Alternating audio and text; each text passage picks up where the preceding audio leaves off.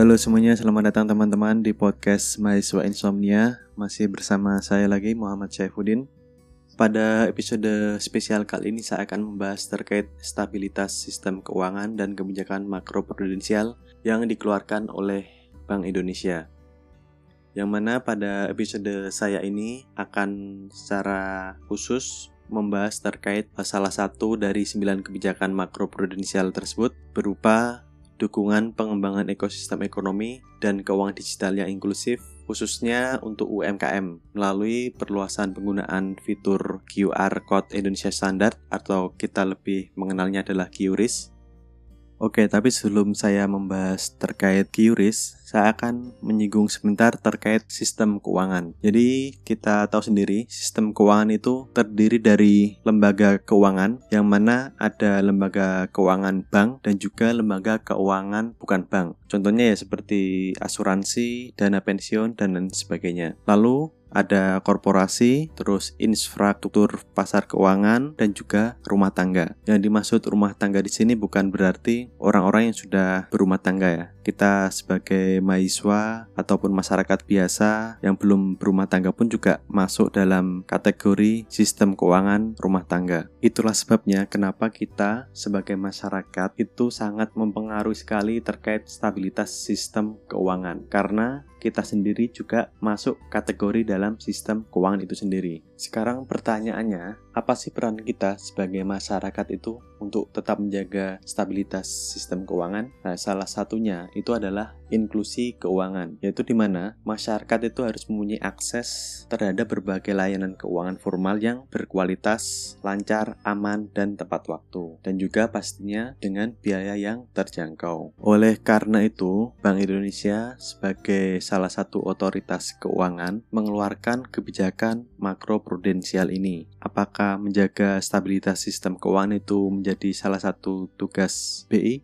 Ya, jadi tugas BI dan juga lembaga otoritas keuangan lainnya seperti OJK, terus Kementerian Keuangan dan juga lembaga penjamin simpanan. Lalu fungsi dari kebijakan makroprudensial itu apa sih? Nah, fungsinya itu adalah untuk menjembatani terkait kebijakan mikroprudensial dengan kebijakan makroekonomi.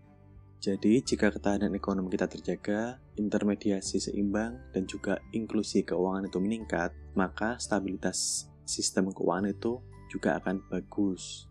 Oleh karena itu, nantinya memungkinkan sistem keuangan nasional itu akan mampu bertahan terhadap gejolak internal maupun eksternal. Oke, karena salah satu untuk menjaga sistem keuangan itu baik adalah inklusi keuangan yang meningkat, yaitu berupa akses terhadap berbagai layanan keuangan formal itu meningkat. Oleh sebab itu, Bank Indonesia mengeluarkan salah satu kebijakan makroprudensialnya adalah meluncurkan atau membuat QRIS. Dan sasarannya untuk QRIS ini adalah untuk UMKM. Kalau ada yang tanya, kenapa sih kok UMKM? Perlu kita ketahui juga ya, keberadaan UMKM itu memiliki peranan yang sangat penting dalam perekonomian Indonesia. Karena apa? Kalian tahu nggak jumlah UMKM di Indonesia itu berapa? Jumlahnya itu adalah mencapai 64 juta UMKM. Dan kalian tahu berapa kontribusi UMKM terhadap produk domestik bruto Indonesia? UMKM kita itu berkontribusi sebesar 63% terhadap PDB kita. Dan yang terpenting lagi, UMKM kita itu menyerap 96,99% tenaga kerja. Jadi jangan kita anggap remeh UMKM kita. Sebelumnya pasti kalian berpikir yang menyumbang besar PDB kita itu adalah perusahaan-perusahaan yang sangat besar. Itu salah besar. Yang benar adalah UMKM karena UMKM kita itu berjumlah sangat banyak sekali. Oke, karena UMKM kita itu sangat berkontribusi untuk perekonomian negara kita, maka di saat pandemi seperti ini, UMKM itu juga sangat berdampak. Karena UMKM berdampak, otomatis perekonomian Indonesia terdampak juga. Di portal online ini diberitakan bahwasanya sebanyak 42,8% debitur kredit mikro UMKM itu tidak bisa membayar utangnya. Jadi pandemi ini sangat sangat berdampak sekali kepada UMKM. Ya kita tahu sendiri karena pandemi juga sehingga masyarakat pun juga enggan untuk beli di UMKM UMKM kita. Misalkan UMKM makanan, masyarakat pun juga merasa takut dan juga khawatir untuk pergi keluar berinteraksi dengan para merchant-merchant UMKM resto ataupun rumah makan karena juga ada anjuran untuk jaga jarak juga kan. Lah oleh sebab itu, kebijakan makroprudensial dari BI itu adalah untuk memperluas para UMKM ini untuk menggunakan platform digital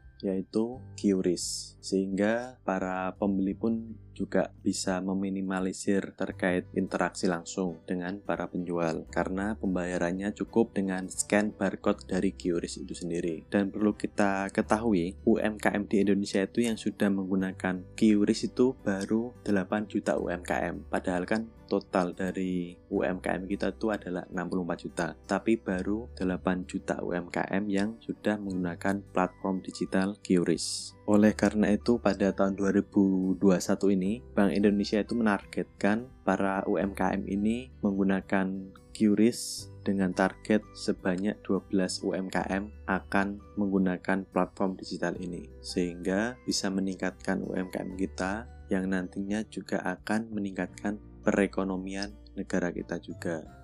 Oke teman-teman, selanjutnya saya akan membahas terkait apa sih QRIS itu. Jadi QRIS seperti yang saya sebutkan sebelumnya tadi adalah QR Code Indonesia Standard.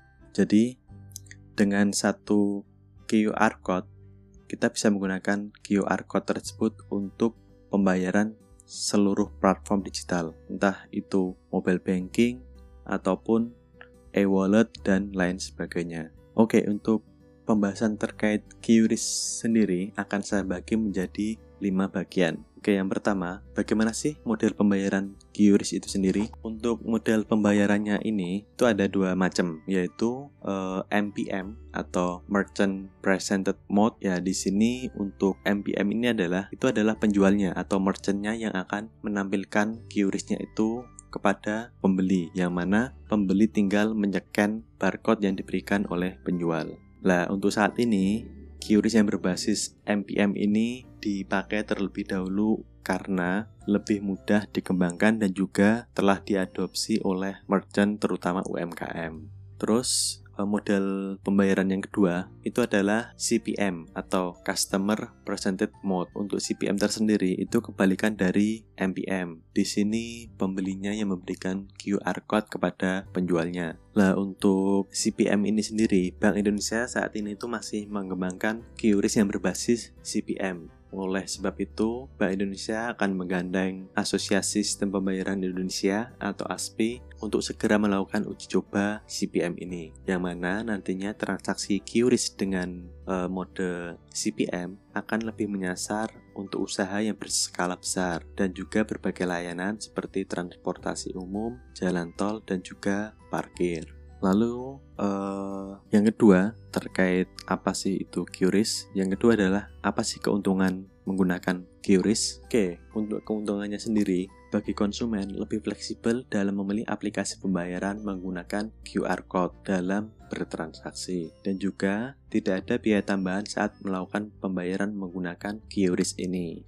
Terus untuk merchantnya sendiri, keuntungannya adalah proses transaksinya itu lebih efektif dan juga efisien. Karena satu QRIS itu dapat digunakan untuk seluruh pembayaran. Dan juga pangsa pasarnya itu lebih luas. Karena konsumen dengan berbagai aplikasi pembayaran itu dapat bertransaksi menggunakan QRIS ini. Lalu yang ketiga adalah berapa sih batas transaksi menggunakan QRIS? Oke, untuk nominal transaksi QRIS sendiri itu maksimal adalah 2 juta rupiah per transaksi. Tapi penyedia aplikasi pembayaran bisa menetapkan batas kumulatif harian dan atau bulanan atas transaksi QRIS oleh penggunanya berdasarkan manajemen risiko masing-masing. Selanjutnya yang keempat, QRIS ini berstandar internasional. Jadi dalam proses penyusunan QRIS ini, Bank Indonesia dan Asosiasi Sistem Pembayaran Indonesia atau ASPI sudah mengadopsi standar internasional IMVCO yang mana standar ini diadopsi untuk mewujudkan interkoneksi instrumen sistem pembayaran pembayaran yang lebih luas, sehingga interoperabilitas antar penyelenggara, antar instrumen, dan antar negara lebih mudah. IMVICO ini merupakan lembaga yang menyusun standar internasional QR Code untuk sistem pembayaran. Selain Indonesia, negara-negara yang menggunakan IMVICO antara lain adalah India, Thailand, Singapura, Malaysia, hingga Korea Selatan. Standar dari IMVICO ini juga bersifat open source, yang mana bisa dipakai dan dibaca di berbagai negara. Yang kelima atau yang terakhir, apakah QRIS ini bisa dipakai untuk belanja di luar negeri? Oke, ini pertanyaan yang sangat bagus. Untuk saat ini, dalam waktu dekat, Bank Indonesia akan melakukan uji pilot project penerapan QR cross border di berbagai negara. Saat ini, Thailand dan Malaysia merupakan dua negara yang telah siap melakukan pilot project penggunaan QR cross border. Tidak hanya itu, rencananya India dan negara-negara lainnya juga akan diajak uji coba pilot project QR cross border ini. Jadi,